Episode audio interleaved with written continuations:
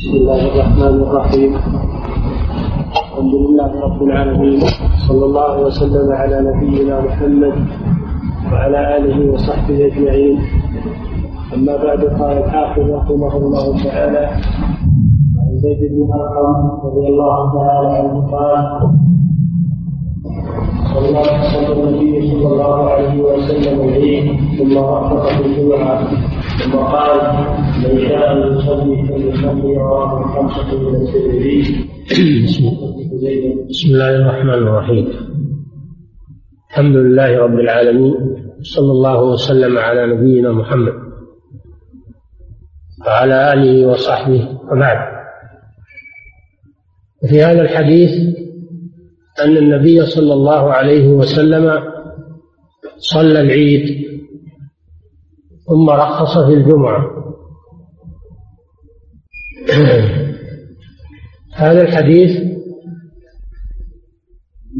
فيه دليل على أن من صلى مع الإمام صلاة العيد فإنه يسقط عنه وجوب حضور صلاة الجمعة. أما من لم يصلي مع الإمام صلاة العيد فإنه يجب عليه حضور صلاة الجمعة. وأن الإمام كذلك يجب عليه أن يصلي بالناس الجمعة.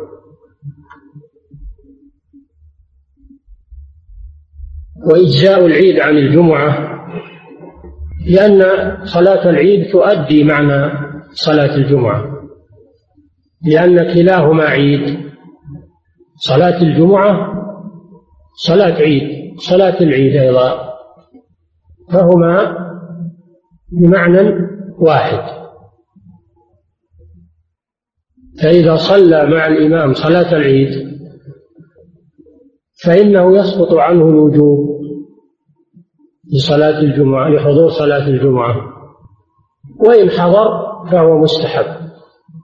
وأما من لم يصلي مع الإمام صلاة العيد فإنه يكون باقيا عليه وجوب حضور صلاة الجمعة وكذلك الإمام يجب عليه صلاة الجمعة لمن حضر من الناس. هذا هو ما دل عليه هذا الحديث. نعم. وعن أبي هريرة رضي الله عنه قال قال رسول الله صلى الله عليه وسلم إذا صلى أحدكم الجمعة فليصلي بعدها أربعة رواه مسلم. إذا صلى أحدكم الجمعة فليصلي بعدها أربعة. هذا الحديث فيه مسائل. المسألة الأولى أن الجمعة ليس لها راتبة قبلها وإنما راتبتها بعدها. ولكن من حضر قبل صلاة الجمعة فإنه يصلي ما شاء ويكون نفلا مطلقا كما يأتي في الحديث الذي بعد هذا. والراتبة إنما تكون بعد صلاة الجمعة. خلاف الظهر فإن الظهر لها راتبة قبلها ولها راتبة بعدها. أما الجمعة فليس لها راتبة إلا بعدها. المسألة الثانية في هذا الحديث أن راتبة الجمعة بعدها أربع ركعات يعني بسلامين أربع ركعات بسلامين يصلي ركعتين ثم يسلم ثم يقوم ثم يصلي ركعتين فيسلم. والأمر في قوله فليصلي بعدها أربعة للاستحباب. والدليل على أنه للاستحباب ما جاء في الرواية الأخرى أن النبي صلى الله عليه وسلم قال من كان مصليا بعد الجمعة فليصلي بعدها أربعة. فقوله من كان مصليا هذا دليل على أن ذلك ليس بواجب. ولكن ورد حديث آخر صحيح أن النبي صلى الله عليه وسلم كان يصلي بعد الجمعة في بيته ركعتين. وهنا يأمر صلى الله عليه وسلم بأربع ركعات. فما الجمع بين الحديثين؟ الجمع بينهما كما جمع شيخ الإسلام ابن تيمية وغيره أنه إن صلى راتبة الجمعة في المسجد فإنه يصليها أربعا كما أمر النبي صلى الله عليه وسلم. وأما إن صلاها في بيته فإنه يصليها ركعتين كما فعل النبي صلى الله عليه وسلم أو كما كان يفعل النبي صلى الله عليه وسلم. هذا هو الجمع بين الحديثين. نعم. وعن السائب بن رضي الله عنه ان معاويه رضي الله عنه قال له اذا صليت الجمعه فلا تصلها بصلاه فلا فلا تصلها. فلا تصلها بصلاة حتى تتكلم أو تخرج فان رسول الله صلى الله عليه وسلم امرنا بذلك أن لا نصل صلاة بصلاه حتى نتكلم أو نخرج رواه مسلم. هذا الحديث عن السائل بن يزيد رضي الله عنه تابعي أن معاوية ابن أبي سفيان رضي الله عنه الصحابي الجليل قال له إذا صليت الجمعة فلا تصلها بصلاة الوصل معناه أنه إذا سلم من صلاة الجمعة قام قام فورا وصلى صلاة النافلة. هذا هو الوصف. هذا منهي عنه. فإن معاوية رضي الله عنه بلغ السائب بن يزيد أن النبي صلى الله عليه وسلم نهى عن وصل الصلاة صلاة النافلة بصلاة الفريضة بمعنى أنه لا يفصل بينهما. والحكمة في ذلك لئلا يزاد في الصلاة الفريضة بحيث يظن الناس والجهال أن ذلك من الفريضة. فيزاد في الصلاة ولو على المدى البعيد. فالفصل بينهما بفاصل يشعر بأن هذه غير هذه. وينتفي معه المحذور. هذا هو الحكمة. فهذا فيه دليل على سد الوسائل التي تفضي إلى المحذور. حتى في العبادات إذا كان فعلها يؤدي إلى محذور فإنها لا تفعل. كما نهى النبي صلى الله عليه وسلم عن الصلاة عند القبور وإن كان المصلي لا يقصد القبر ونهى عن الصلاة عند غروب الشمس وعند طلوعها وإن كان المصلي لا يقصد إلا وجه الله لكن لما كان هذا وسيلة إلى الشرك نهى عنه النبي صلى الله عليه وسلم. فهذا فيه دليل على قاعدة سد الذرائع.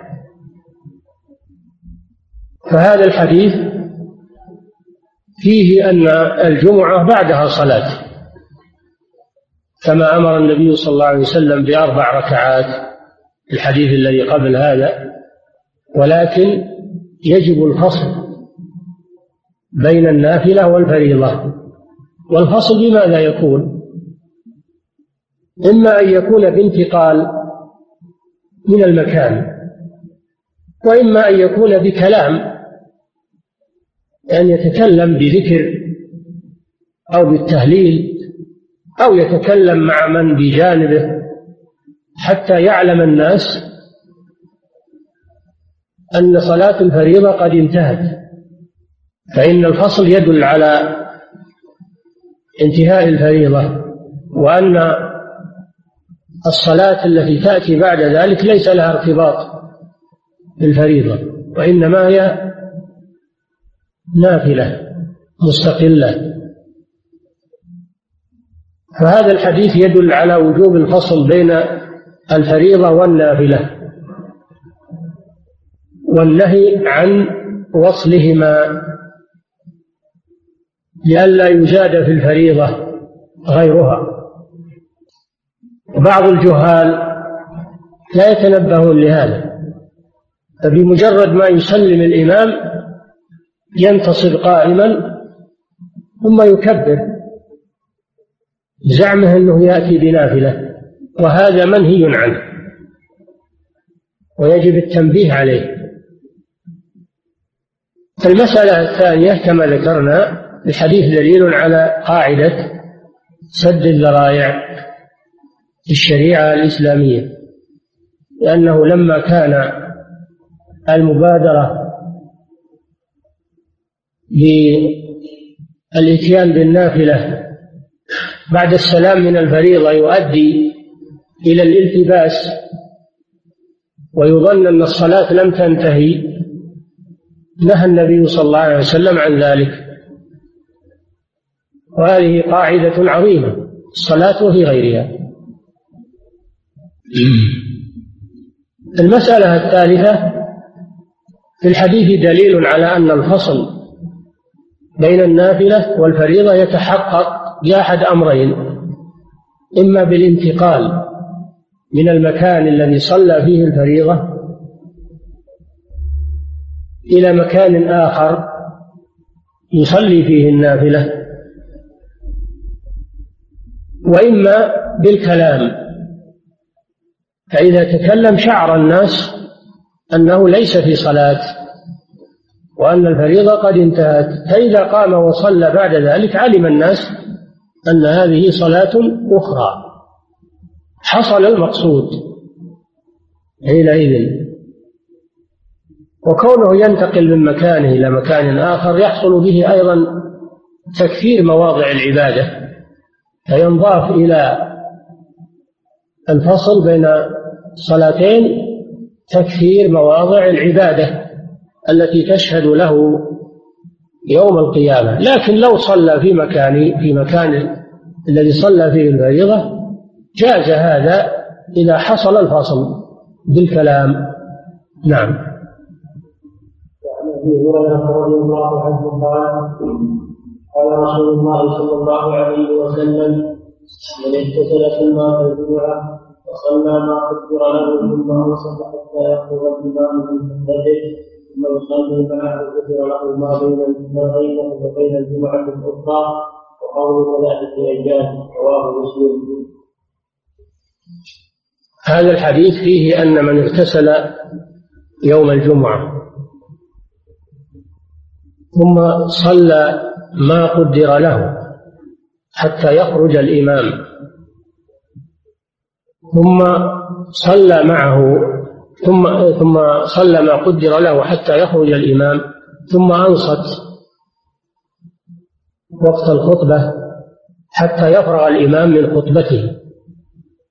ثم صلى معه صلاة الجمعة أن الله سبحانه وتعالى يغفر له ما بينه وبين الجمعة الأخرى يعني ما يحصل له من الذنوب الصغائر في هذه الفترة. ما بينه وبين الجمعة المقبلة. وفضل ثلاثة أيام. يعني ويزيده الله على ذلك ثلاثة أيام. لأن ما بين الجمعة إلى الجمعة سبعة أيام. فيضاف إليها ثلاثة أيام حتى تكمل عشرة أيام. لقوله تعالى من جاء بالحسنة فله عشر أمثالها. هذه عشر. عشرة أيام يغفر له ما يقع منه من الذنوب بسبب هذه الفضائل التي أتى بها يوم الجمعة. لأن الحسنات يذهبن السيئات. وذكر جماهير أهل العلم أن المراد بالمغفرة هنا مغفرة الذنوب الصغائر أما الكبائر فإنها لا تغفر إلا بالتوبة. لقوله تعالى إن تجتنبوا كبائر ما تنهون عنه نكفر عنكم سيئاتكم وندخلكم مدخلا كريما. ولقوله صلى الله عليه وسلم الصلوات الخمس والجمعة إلى الجمعة ورمضان إلى رمضان كفارة لما بينهن إذا اجتنبت الكبائر بهذا الشرط. دل على أن الكبائر لا تكفر بهذه الأعمال وإنما تكفر بالتوبة. إذا تاب منها فدل هذا الحديث على مسائل عظيمة. المسألة الأولى فيه مشروعية الاغتسال لمن يريد حضور الجمعة أنه يشرع له أن يغتسل. وقد سبق هذا في باب الغسل. سبقت الأحاديث الواردة في الأمر بالاغتسال يوم الجمعة. واختلف العلماء هل الاغتسال يوم الجمعة واجب أو مستحب؟ الذي عليه جماهير أهل العلم أنه مستحب. أنه مستحب ولكنه متأكد. استحباب متأكد. للحث عليه في الأحاديث. وذلك لأجل أن يزيل الرائحة الكريهة التي تكون فيه.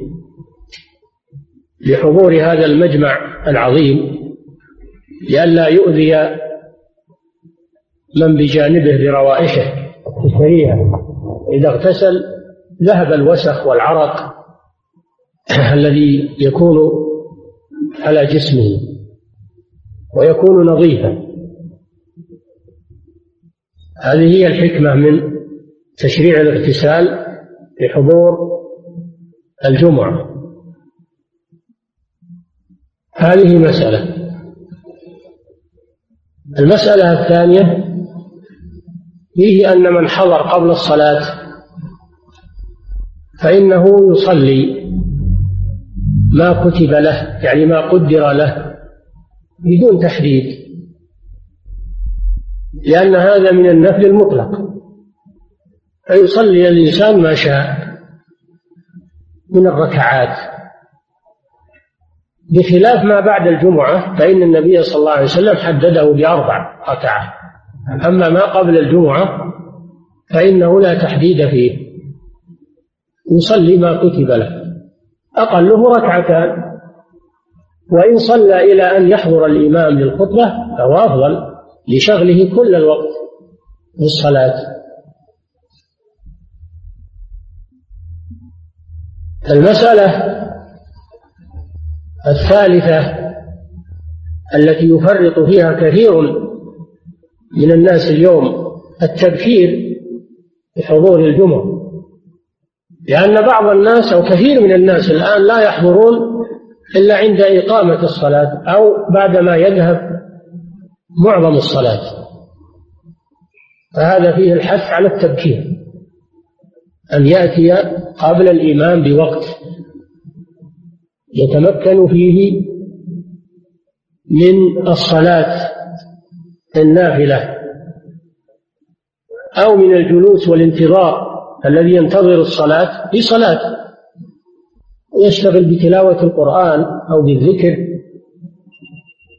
فيحصل على فضائل ضيعها كثير من الناس اليوم الذين يجلسون في بيوتهم وعلى لهوهم ولعبهم ألا يحضرون إلا عند الإقامة أو بعدما يذهب بعض الصلاة. هذا حرمان حرمان عظيم. المسألة الرابعة في الحديث دليل على مشروعية حضور الخطبة. من أولها يعني حضور الخطبتين. من, من أولها إلى آخرها. لأن حضور الخطبة مطلوب. قد قال تعالى يا أيها الذين آمنوا إذا نودي للصلاة من يوم الجمعة فاسعوا إلى ذكر الله وذروا البيع. قالوا المراد بذكر الله الخطبة لما فيها من ذكر الله ومن تعظيم الله والثناء عليه وتعليم الناس ما يحتاجون إليه. من أمور دينهم وعباداتهم وتنبيههم على أخطائهم. خطبة الجمعة درس عظيم. يستفاد منه. ولا يتم ذلك إلا بحضور إلا بالحضور مبكرا حتى يتفرغ لسماع الخطبة من أولها إلى آخرها. ويستوعبها ويستفيد منها. وهذا فرط فيه كثير من الناس اليوم. ما يقيمون للخطبة وزنا. بعضهم لا يأتي كما ذكرنا إلا عند الإقامة. بعضهم لا يأتي إلا بعد أن يذهب بعض الصلاة أو معظم الصلاة. وهذا تفويت وحرمان لخير كثير. المسألة الخامسة فيه الحث على حضور الصلاة من أولها قوله وصلى معهم يحضر من تكبيرة الإحرام إلى النهاية. أما من تأخر حتى فاته بعض الصلاة هذا فاته خير كثير. المسألة السادسة. في الحديث دليل على أن هذا الأجر لا يحصل إلا بهذه الشروط الخمسة. إلا بهذه الشروط الخمسة. أولا الاغتسال وثانيا التبكير والصلاة النافلة من حين يحضر إلى أن يخرج الإمام. وثالثا الإنصات للخطبة والاستماع لها من أولها إلى آخرها. ورابعا الصلاة مع مع الإمام. ولا يفوت شيء من الصلاة. فإذا أتى بهذه الأعمال حصل له هذا الأجر العظيم وهو المغفرة لمدة عشرة أيام مستقبلا.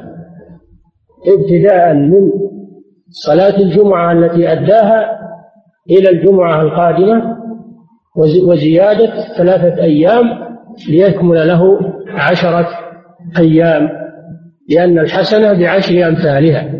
فإذا فرط في شيء من هذه الفضائل لم يحصل له هذا الأجر. وماذا خسر؟ خسر أجرا عظيما وفاته هذا الثواب. هذا الأجر لا يحصل إلا لمن جمع هذه الخصال. الاغتسال التبكير صلاة النافلة قبل حضور الإمام الاستماع للخطبة الصلاة مع الإمام هذه خمس. هذه خمس فضائل. إذا استكملها حصل له هذا الأجر العظيم. عشرة هالأيام التي يغفر له ما يصدر منه فيها من السيئات. أما من نقص شيئا من هذه الأمور فإنه ينقص أجره بقدر ما نقص. نعم. وعنه رضي الله عنه أن رسول الله صلى الله عليه وسلم ذكر يوم الجمعة فقال فيه ساعة لا يوافقها عبد مسلم وهو قائم يصلي يسأل الله عز وجل شيئا إلا أعطاه إياه. وأشار بيده يقللها متفق عليه وفي رواية مسلم وهي ساعة خفيفة. آه قبل أن ندخل في هذا الحديث فيه مسألة سابعة. فيه مسألة سابعة. تتعلق بالحديث الذي مر وهي فضل يوم الجمعة. فضل المسألة السابعة فضل يوم الجمعة. وأن من استغله بهذه الأعمال غفر له ما بينه وبين الجمعة الأخرى وفضل ثلاثة أيام. هذا في فضل يوم الجمعة. هذه فضيلة من فضائل يوم الجمعة. الفضيلة الثانية ما ذكرها في الحديث الذي سمعت أن فيه ساعة في يوم الجمعة ساعة لا يوافقها عبد مسلم وهو قائم يصلي يسأل الله شيئا إلا أعطاه إلا أعطاه إياه. وأشار بيده صلى الله عليه وسلم يقلله وفي رواية وهي ساعة خفيفة. يعني قليلة والمراد بالساعة هنا الجزء من الزمن. ليس المراد بالساعة ما تعارفه الناس الآن أو ستون دقيقة أو ستون درجة درجات الفلك لا. مراد بالساعة الجزء من الزمن وإن قل. ففي يوم الجمعة هذه الساعة الخفيفة القليلة التي فيها هذا الأجر العظيم وهي ساعة الإجابة. سميها العلماء ساعة الإجابة. فهذا من فضائل هذا اليوم وهي من أعظم فضائله. وقد أخفاها الله في هذا اليوم. أخفاها الله في هذا اليوم. من أجل أن يجتهد المسلم في كل اليوم. لأنها لو بينت له وحددت له اقتصر عليها. والله يريد منه الإكثار من الطاعات حتى يكثر له الأجر. كما أن الله أخفى ليلة القدر في شهر رمضان من أجل أن يجتهد المسلم في كل الشهر حتى يكثر أجره. يحصل على ليلة القدر ويحصل على زيادة أجر. وكذلك الجمعة من أجل أن يحصل على هذه الساعة ويحصل على زيادة ساعات اليوم كلها. يستغلها الإنسان في الطاعة فيعظم أجره. هذه هي الحكمة من إخفاء الساعة في يوم الجمعة. وهذه الساعة وصفها النبي صلى الله عليه وسلم بوصفين بوصفين. الوصف الأول أنها يستجاب فيها الدعاء والوصف الثاني أنها قليلة أنها زمن يسير. حتى ما يقول الإنسان الوقت واسع متما إني لا هذا زمن يسير يفوت عليه. ما تحريت واجتهد يفوت عليه. فالحكمة والله أعلم في تقليلها من أجل أن يجتهد الإنسان لئلا تفوته لأن إذا كانت زمنا يسيرا تفوت الإنسان. خلاف ما لو كانت زمنا متسعا الإنسان يصير عنده سعة يقول أنا إن شاء الله بصادها لأنه واسع. هذه هي الحكمة في تقليلها. وقد اختلف العلماء رحمهم الله في تحديد هذه الساعة في أي وقت من اليوم. ذكر الحافظ ابن حجر كما يأتي منها ثلاثة وأربعين قولا في فتح الباري. ثلاثة وأربعين قول في تحديد هذه الساعة من اليوم.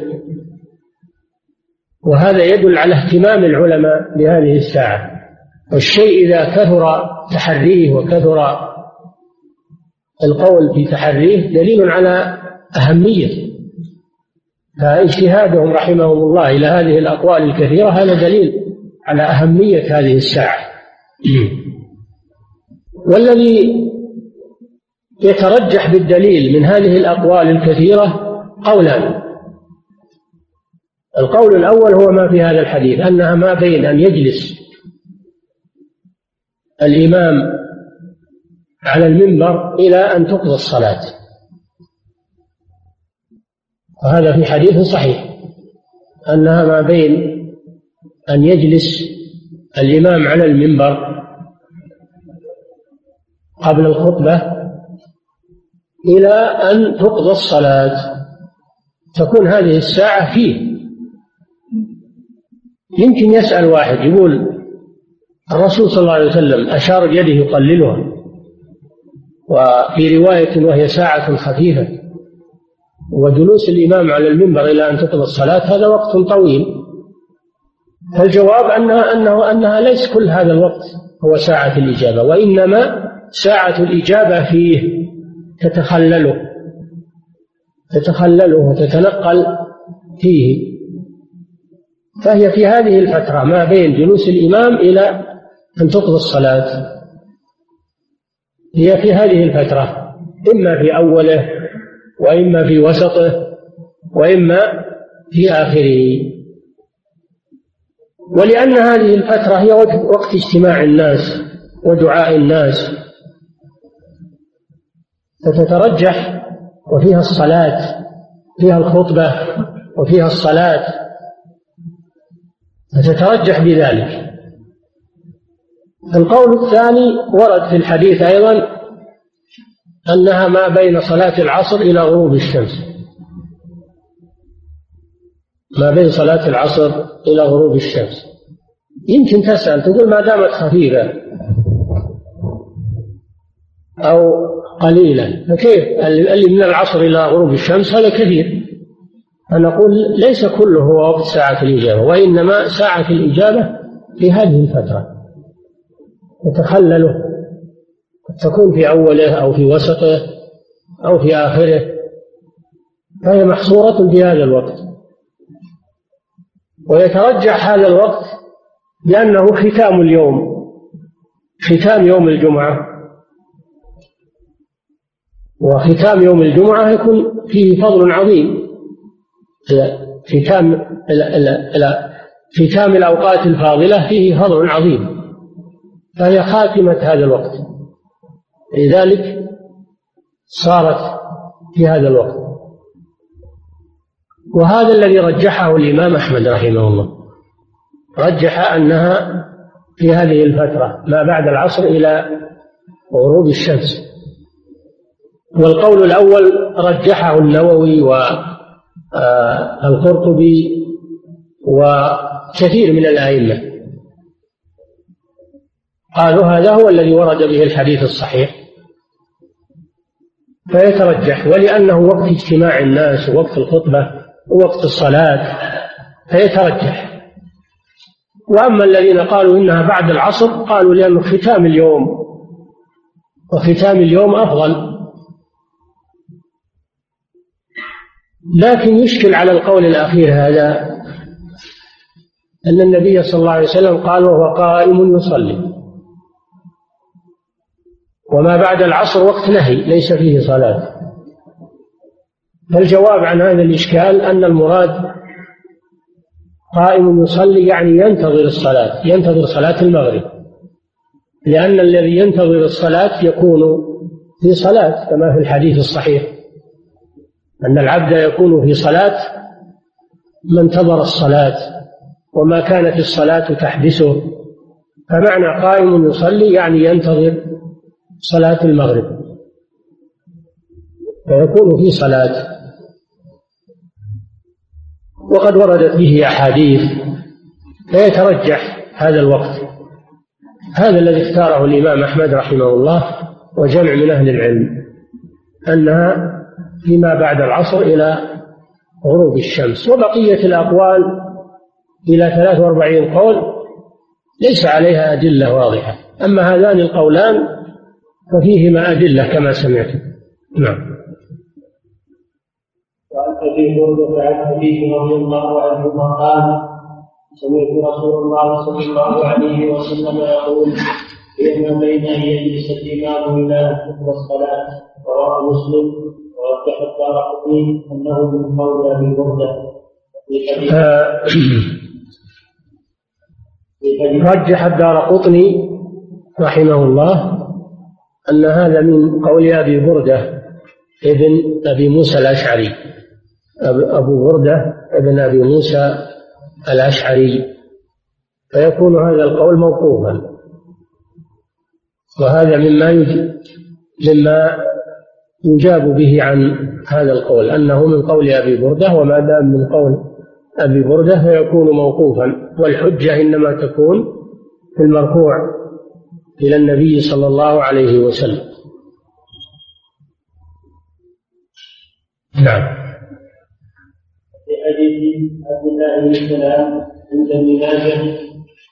هذا هو القول الثاني في حديث عبد الله بن سلام أنها ما بين صلاة العصر إلى أن تغرب الشمس. وعبد الله بن سلام هو عبد الله بن سلام من يهود بني قريظة ومن أحبار اليهود رضي الله عنه. فلما قدم النبي صلى الله عليه وسلم المدينة وسمع بقدومه ذهب إليه وسمعه يحدث. أيها الناس أفشوا السلام وأطعموا الطعام وصلوا بالليل والناس نيام تدخلوا الجنة بسلام. فلما رآه عبد الله بن سلام وتفحص في وجهه صلى الله عليه وسلم وسمع كلامه وكان يقرأ في التوراة لأنه من أحبار اليهود يقرأ في التوراة بصفاته أنه سيبعث نبي صفاته كذا وكذا. فلما تأمل في الرسول صلى الله عليه وسلم وجد أن الصفات تنطبق عليه فأسلم. أعلن إسلامه. دخل في الإسلام وشهد أن لا إله إلا الله وأن محمدا رسول الله وحسن إسلامه رضي الله عنه. وبشره النبي صلى الله عليه وسلم بالجنة فهو من المبشرين بالجنة. وهو من ذرية يوسف عليه السلام لأن بني إسرائيل أسباط. أسباط مثل القبائل عند العرب لأن أولاد يعقوب عليه السلام اثنى عشر اثنى عشر أولاد يعقوب. كل واحد منهم صار له ذرية وكل ذرية ذرية كل واحد من أولاد يعقوب يقال لهم الأسباط قالوا لهم الأسباط. فكان عبد الله بن سلام من السبط الذي هو من ذرية يوسف ابن يعقوب. عليهم الصلاة والسلام. فهو روى هذا الحديث عن النبي صلى الله عليه وسلم أنها ما بين صلاة العصر إلى أن تغرب الشمس. يعني تتخلل هذا الوقت. نعم. فمن كان متحريها فليتحرها بعد العصر. نعم. وقد اختلف فيها على أكثر من أربعين قولا عن عبد الله بن سلام. وفي حديث عبد الله بن سلام عند ابن ماجه وعن جابر بن ابي داود بن النسائي إنها ما بين صلاة العصر وغروب الشمس. نعم. وقد اختلف فيها على أكثر من أربعين قولا هذا من كلام الحافظ بن حجر. هذا من كلام الحافظ بن حجر. نعم. وقد اختلف فيها على أكثر من أربعين قولا أمليتها في شرح البخاري. في فتح الباري شرح البخاري. نعم. وعن جابر رضي الله عنه قال مرت السنة أن في كل في كل في كل أربعين فصاعد الجمعة وهو الداخل في إسلام ضعيف حديث جابر أن النبي صلى الله عليه وسلم قال مضت السنة. أن في كل أربعين جمعة. مضت السنة أي نفذت واستقرت والمراد بالسنة سنة الرسول صلى الله عليه وسلم. فإذا قال الصحابي مضت السنة فهذا له حكم الرفع له حكم الرفع أن في كل أربعين يعني عدد أربعين, أربعين رجلا جمعة. يعني تجب على الرجال إذا بلغوا أربعين رجلا. فإن نقصوا عن أربعين فإنها لا تجب عليهم الجمعة. لا تصح منهم الجمعة. يصلون ظهرا. هذا مقتضى حديث جابر. حديث جابر يدل على مسألتين. المسألة الأولى أنه إذا أنهم إذا بلغوا أربعين رجلا مستوطنين ببناء مستقر استيطانا دائما أنهم تجب عليهم صلاة الجمعة ولا تجزيهم صلاة الظهر.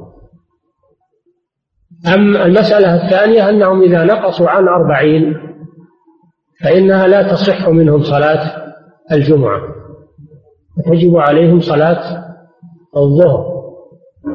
هذا ما يفيده حديث جابر.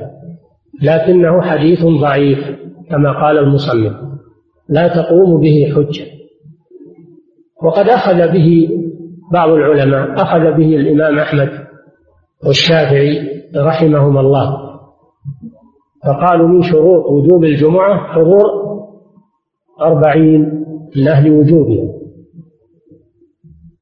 وقال المالكية يشترط اثنا عشر رجلا بدليل الحديث الذي مر بنا لما قدمت العير من الشام والنبي صلى الله عليه وسلم قائم يخطب سمعوا بقدومها خرجوا من المسجد ولم يبق مع النبي صلى الله عليه وسلم إلا اثنا عشر رجلا. وأنزل الله في ذلك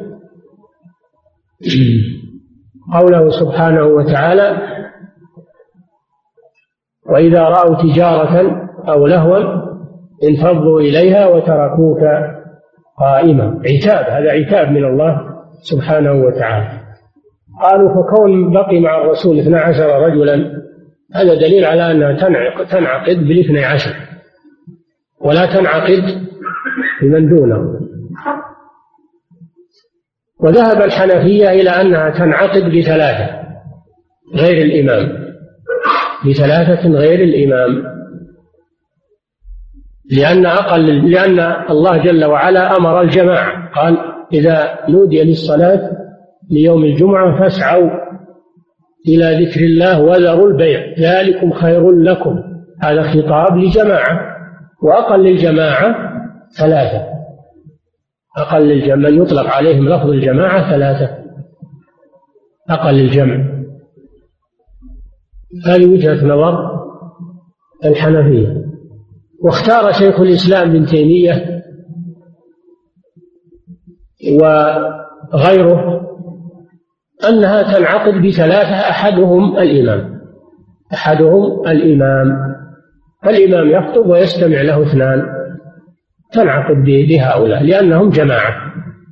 لأنهم جماعة. قول النبي صلى الله عليه وسلم الاثنان فما فوقهما جماعة. فتنعقد بثلاثة منهم الإمام. وهذا هو الصحيح الذي تدل عليه الأدلة. لأن اشتراط أكثر من ثلاثة ليس عليه دليل. ليس عليه دليل صحيح. فالثلاثة هم أقل الجمع. ولا شك أن كل ما كثر الجمع فهو أفضل. لكن الكلام على الصحة وعدمها. الصحة أنها تنعقد بثلاثة أحدهم الإمام. لأن هذا هو الذي تدل عليه الأدلة. قال صلى الله عليه وسلم إذا كنتم ثلاثة هذا في الحديث الصحيح. إذا كنتم ثلاثة فليؤمكم أحدكم. وما عدا هذا القول من الأقوال الثلاثة والأربعين ليس عليها دليل وإنما هي اجتهادات. وتحريات تحتاج إلى دليل. هذا هو القول الصحيح في هذه المسألة. وللشيخ سليمان بن عبد الله بن شيخ الإسلام محمد بن عبد الوهاب رسالة رسالة مستقلة في هذا الموضوع في عدد يوم الجمعة. ذكر فيها الأقوال وأدلتها وخلص إلى هذا القول. أنها تنعقد بثلاثة. نعم.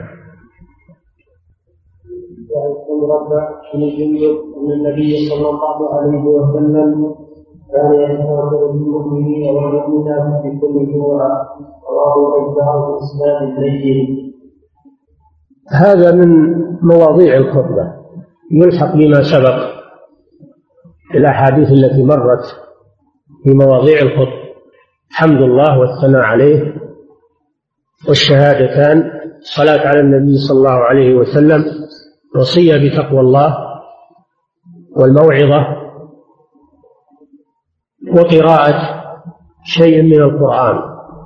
هذه مواضيع الخطبة التي لا بد منها يسمونها أركان أركان الخطبة. وأما الدعاء فإنه من سنن الخطبة ليس بواجب وإنما هو من سنن الخطبة. أن يدعو للمسلمين في الخطبة ويؤمن عليه الحاضرون لأن هذا وقت إجابة كما سبق. من حين يجلس الإمام إلى أن تقضى الصلاة وقت إجابة. واجتماع المسلمين فيشرع فيه الدعاء للمسلمين لأنه مظنة الإجابة. يدعو للمسلمين لصلاح دينهم ودنياهم ويختار الأدعية الجامعة يختار الإمام الأدعية الجامعة في الخطبة. ومن أولى المسلمين بالدعاء إمام المسلمين لأن في صلاحه صلاح المسلمين.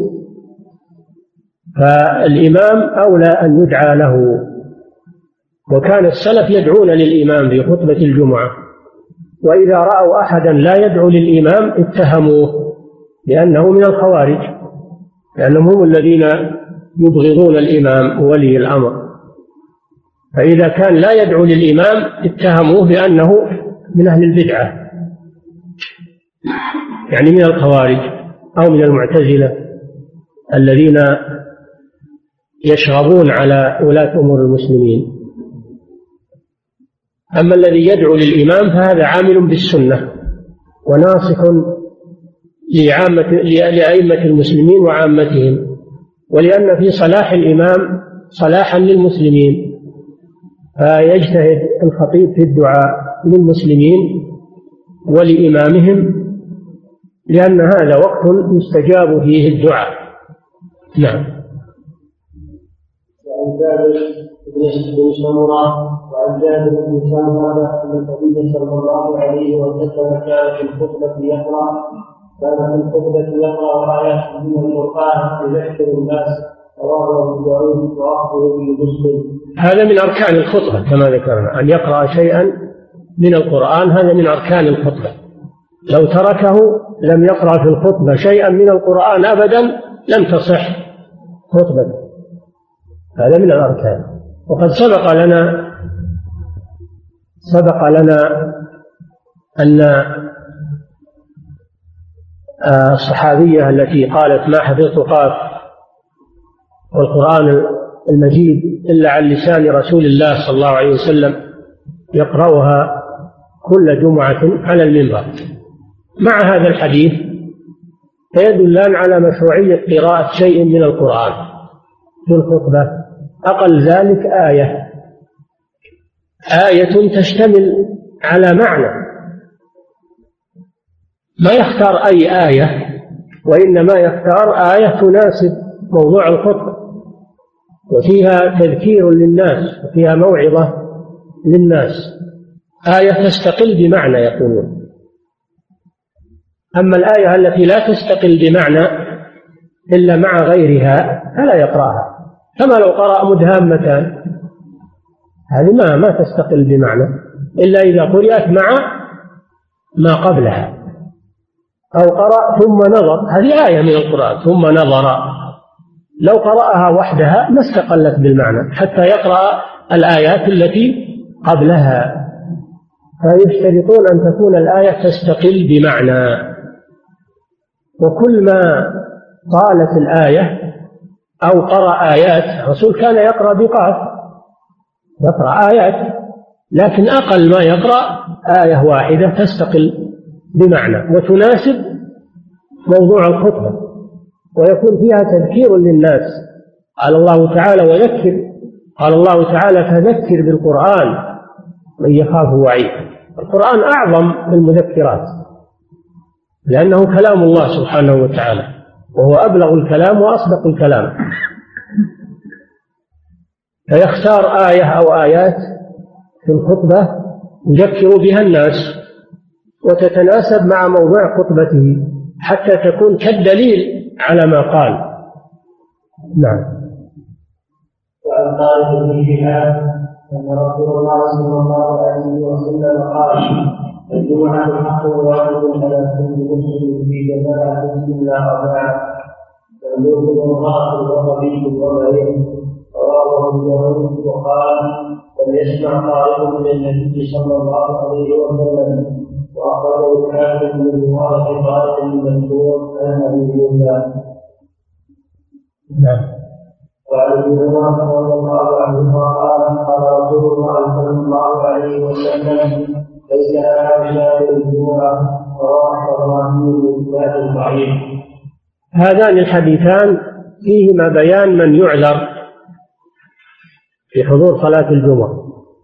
وهم خمسة. وهم خمسة المملوك والمرأة والصبي والمريض والمسافر. هؤلاء يعذرون بحضور صلاة الجمعة.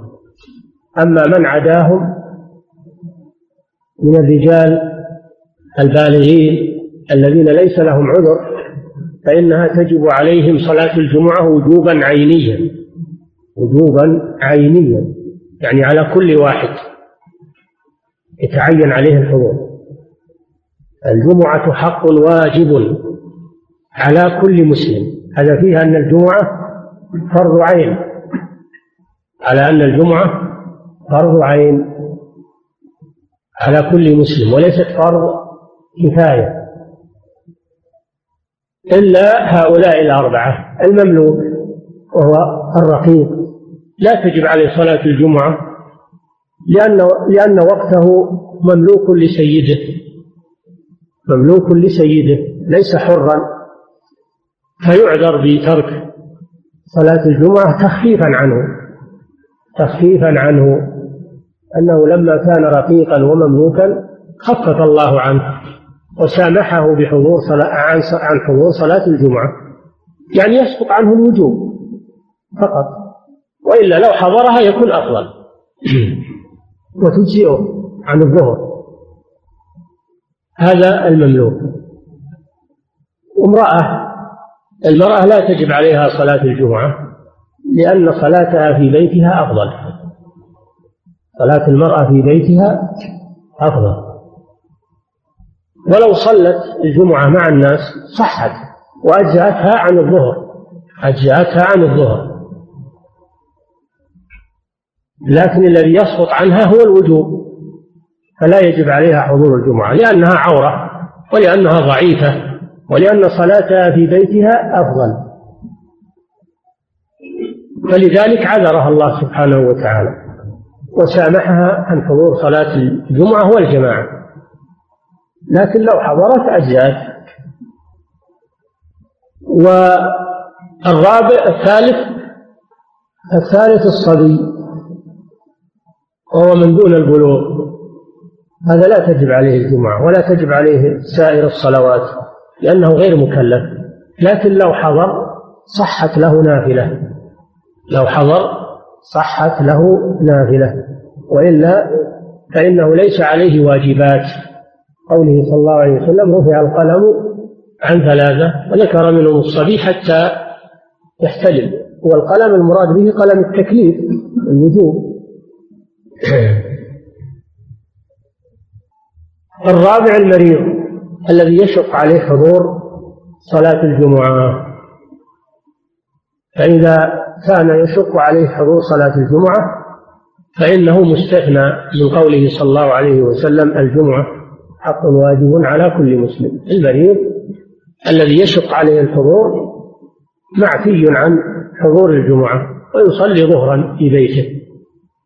ولو حضر وصلى أجزأته عن الظهر. لأنه إنما أسقط عنه الوجوب نظرا لضعفه.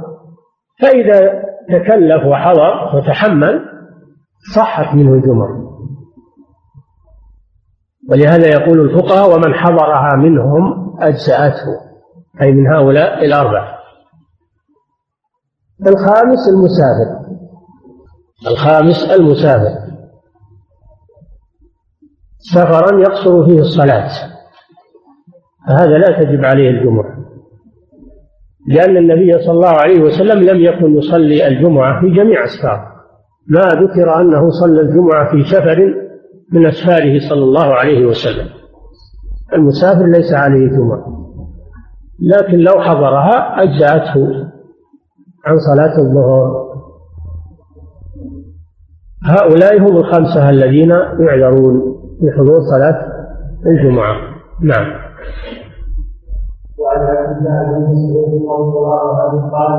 والسادس السادس لم يذكر هنا وهم البادية.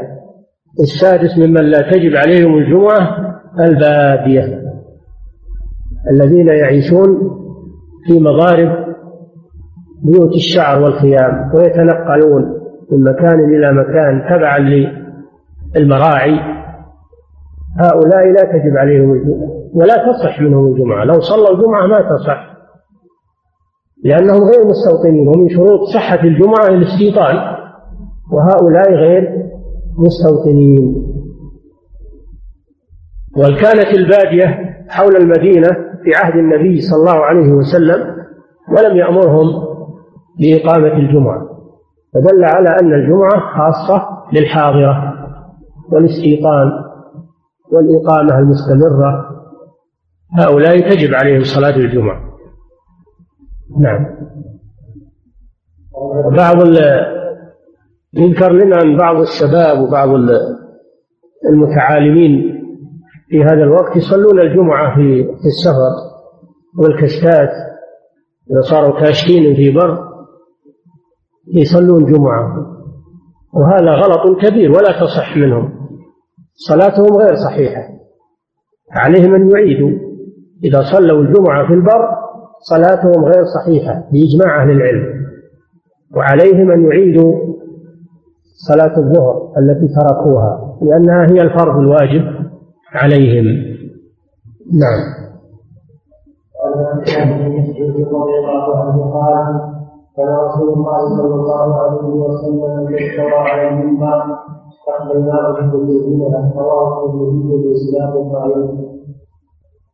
تقدم أن النبي صلى الله عليه وسلم كان يخطب على منبر. هذا ثابت. ثابت عنه صلى الله عليه وسلم أنه كان يخطب على منبر. هذا من سنن الخطبة أن يخطب على موضع عال إما على دابة يركبها إذا كان كما خطب النبي صلى الله عليه وسلم على الدابة. في عرفة في في منى في حجة الوداع. وأما في الحضر فيخطب على منبر. في الحضر يخطب على منبر. كان صلى الله عليه وسلم إذا قام يخطب على المنبر يعتمد على على شيء على قوس أو عصا يكون معه صلى الله عليه وسلم. فهذا فيه استحباب أن الخطيب يعتمد على شيء. إما على قوس أو على عصا أو على عنزة أو على حرف المنبر يتمسك به لأن هذا أثبت له وأعون له على إلقاء الخطبة. لتنقطع منه الحركة والاضطراب. إذا أمسك بشيء فإن هذا يثبته ويعين على إلقاء الخطبة. وكان يستقبل الناس بوجهه عليه الصلاة والسلام ويستقبله الناس بوجوههم على الخطبة. نعم.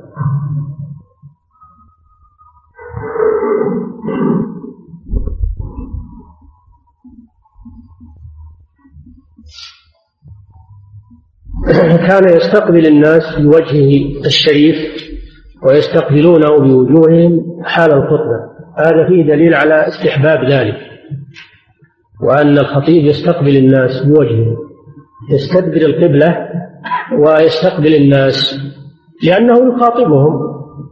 ولا يليق بالذي يخاطب الناس أن أن يجعلهم وراء ظهره أو إلى جنبه. ما يليق بهذا. إذا كنت تخاطب واحد تقبل عليه من أجل يستمع لك أما لو خاطبته وأنت موليه ظهرك ولا جنبك فهو لا يستمع لكلامك ينصرف عنك هذا وجه الحكمة في استقباله صلى الله عليه وسلم للناس. ولا يلتفت. لأن بعض الخطباء هداهم الله. إذا صار يخاطب قال له يتلفت يمين وشمال لا. الخطيب ما هو بيلتفت يقصد تلقاء وجهه ولا يتلفت هكذا كان النبي صلى الله عليه وسلم يفعل ذلك. والناس يستقبلونه بوجوههم لأنه يخاطبهم. فلو فلو أعرضوا عنه لو أعرضوا عنه ولم يستقبلوه ما استفادوا. ولا يليق بالمخاطبين أنهم يعرضون عمن يخاطبهم فلا بد أن يستقبلوه بوجوههم. حتى هذا من الآداب من آداب المخاطبة. وأيضا من أجل أن يستفيدوا من كلامه وتنصرف أذهانهم إليه. لأنك لو تنصرف هنا ولا هنا يمكن تناظر شيء ولا أحد يمر ولا تناظر أشياء تشغلك عنه. لكن إذا صرت تناظر الخطيب أو المتكلم فإنك تستفيد من كلامه وتقبل عليه نعم. وله شاهد في حديث الأخبار عند ابن نعم. وعن الحسن بن حجر رضي الله عنه قال جمعة مع النبي صلى الله عليه وسلم وأصحابه مرجعا على عصا أو قوس سبق هذا تكلمنا عليه هذا من سنن الخطبة الاتكاء على شيء. نعم. والله أعلم وصلى الله وسلم على نبينا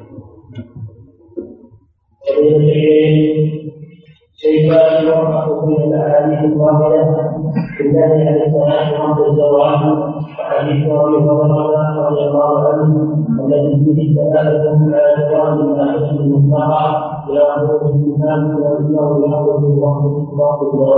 يوم الجمعة ليس فيه نهي يستثنى. مر بنا في العام الماضي مر بنا في أوقات النهي إن يوم الجمعة مستثنى ليس فيه وقت وقت الزوال ليس فيه نهي عن الصلاة وقت الزوال. نعم؟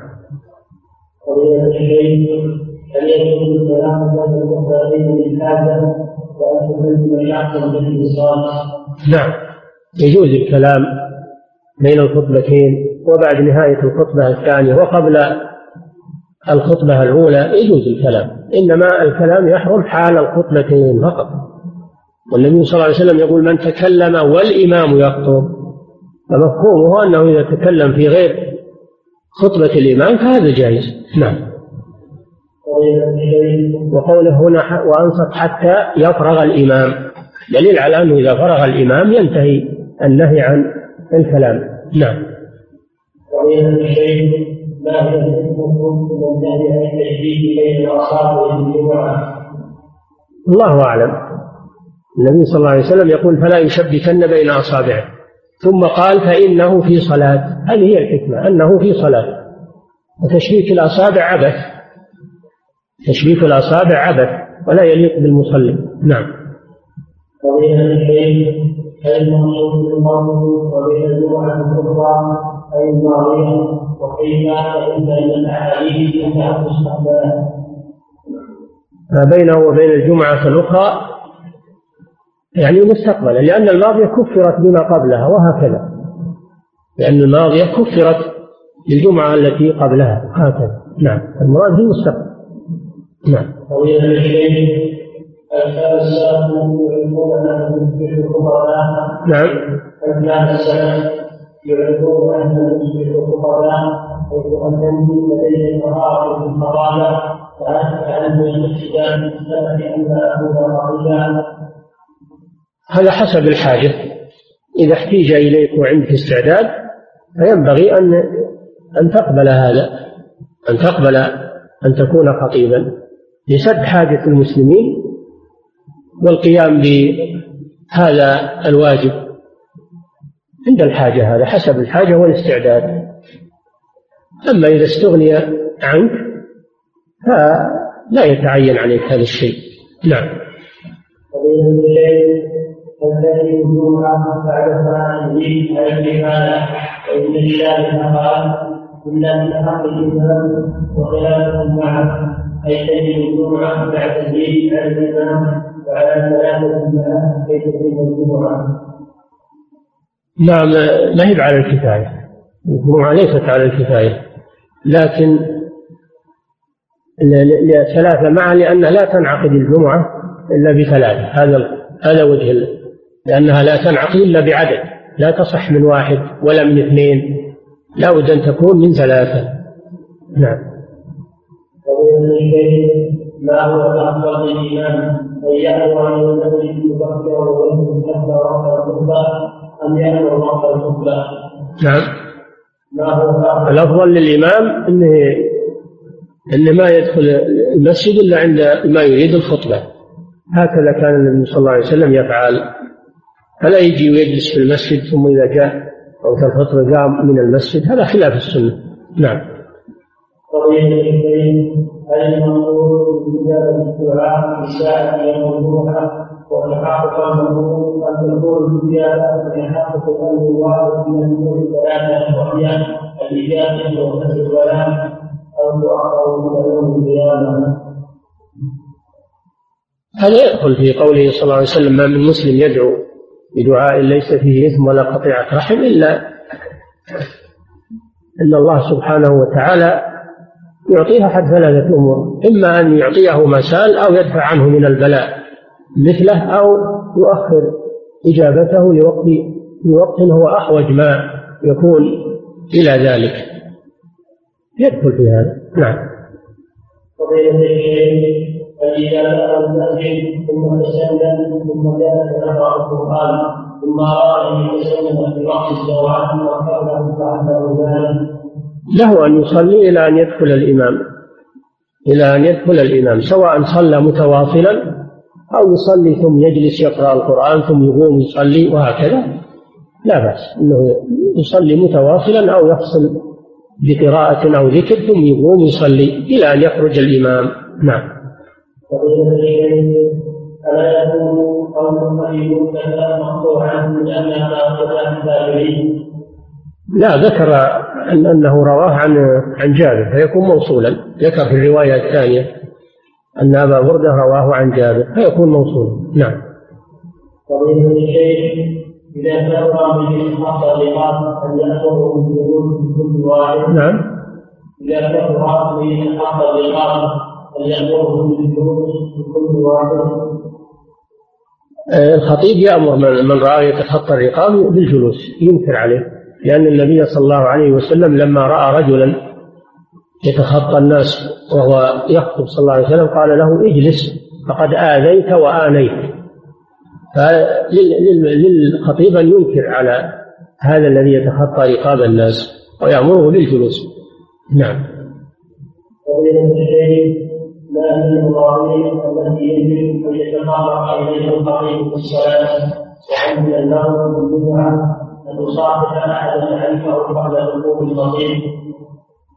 صافحة ما في مانع والكلام ما في مانع قبل أن يبدأ الخطيب في الخطبة ما في مانع. والمواضيع تختلف باختلاف الحاجات حاجات المسلمين. فيختار في كل خطبة ما يحتاجه الناس ما يحتاجه الناس. من التنبيهات والتعليمات. نعم. فضيلة الشيخ الإدعاء والإيمان الذي لا يوفق شرع الله في بلده يدعى له بالهداية. يدعى له بالهداية. نعم. وإذا كان المسلمون أقلية في له ولي حال كثيرتان يدعو لولاة المسلمين في أي مكان. حتى لو كان هو في أقلية في بلاد كافرة صلوا الجمعة هذه الأقلية يدعون لولاة المسلمين في أي مكان. نعم. فضيلة الشيخ بني قينقاع؟ بني قينقاع. نعم. فضيلة الشيخ هناك كافر أراد الذبح ولكنه لم يصلي بل الذي سمى الحاضر صاحب الذبيحة كما الحكم لا يجزي. تسمية الحاضر لا تجزي. اشترط أن يسمي الذابح عند تحريك يده للذبح عند تحريك يده للذبح فإذا سمى واحد آخر ما أجزى هذا. نعم. لأن هذه عبادة لا تدخلها النيابة. نعم. وبين الشيخ قرأت في بعض الكتب أن الصحابي الجليل أنس بن مالك أنس بن مالك رضي الله عنه وفقه الله بأهل ولد وأن هذا صحيح. الله أعلم. نعم هو دعا له النبي صلى الله عليه وسلم بأن يطيل الله عمره وأن يكثر ماله وأولاده. استجاب الله دعوته رزقه من المال والأولاد وأطال عمره بالعمل الصالح ببركة دعوة النبي صلى الله عليه وسلم. نعم. فضيلة الشيخ المسلم أن يقرأ الإنسان في صلاة الجمعة آيات تناسب ما تكلم عنه نعم. هل من السنة وجرى الإنسان في صلاة الجمعة آيات تناسب ما تكلم عنه في الخطبة لا في الصلاة لا. يقرأ فيها السور التي سمعتم سبح والغاشية أو الجمعة والمنافقون. أما أنه يربط قراءته في الصلاة بموضوع الخطبة فهذا ليس له أصل وما كان السلف يعملون هذا. إنما يختار الآيات المناسبة للخطبة في الخطبة. الآيات التي يقرأها في الخطبة هي اللي تكون مناسبة معها. أما قراءة الصلاة فهي مستقلة. نعم. قال الله تعالى فلا السلام قالوا يسجد فقد سرق له من قبل الآية. فالمفرد من هذا أن يكون يوسف عليه السلام قد سرق من قبل وحاشاه أن يكون سارقا كان هذا صحيح فما في شيء مسلوب أو من الآية. هذا من من الكذب على على يوسف عليه السلام. ولهذا أنكر عليهم وقال أنتم شر مكانا والله أعلم بما تصفون يعني بما تكذبون. هذا كذب. نعم. الواقع في وضع البشر تحت راس الميت لا ما ورد لكن وضع شيء يرفع رأس الميت لأجل التوازن لأجل توازن الجثة حيث لا تنقلب. لا بأس بذلك. لا بأس أنه يجعل تحت رأسه لبنة أو شيء يرفع رأسه حتى يتوازن جسمه. للحاجة. نعم.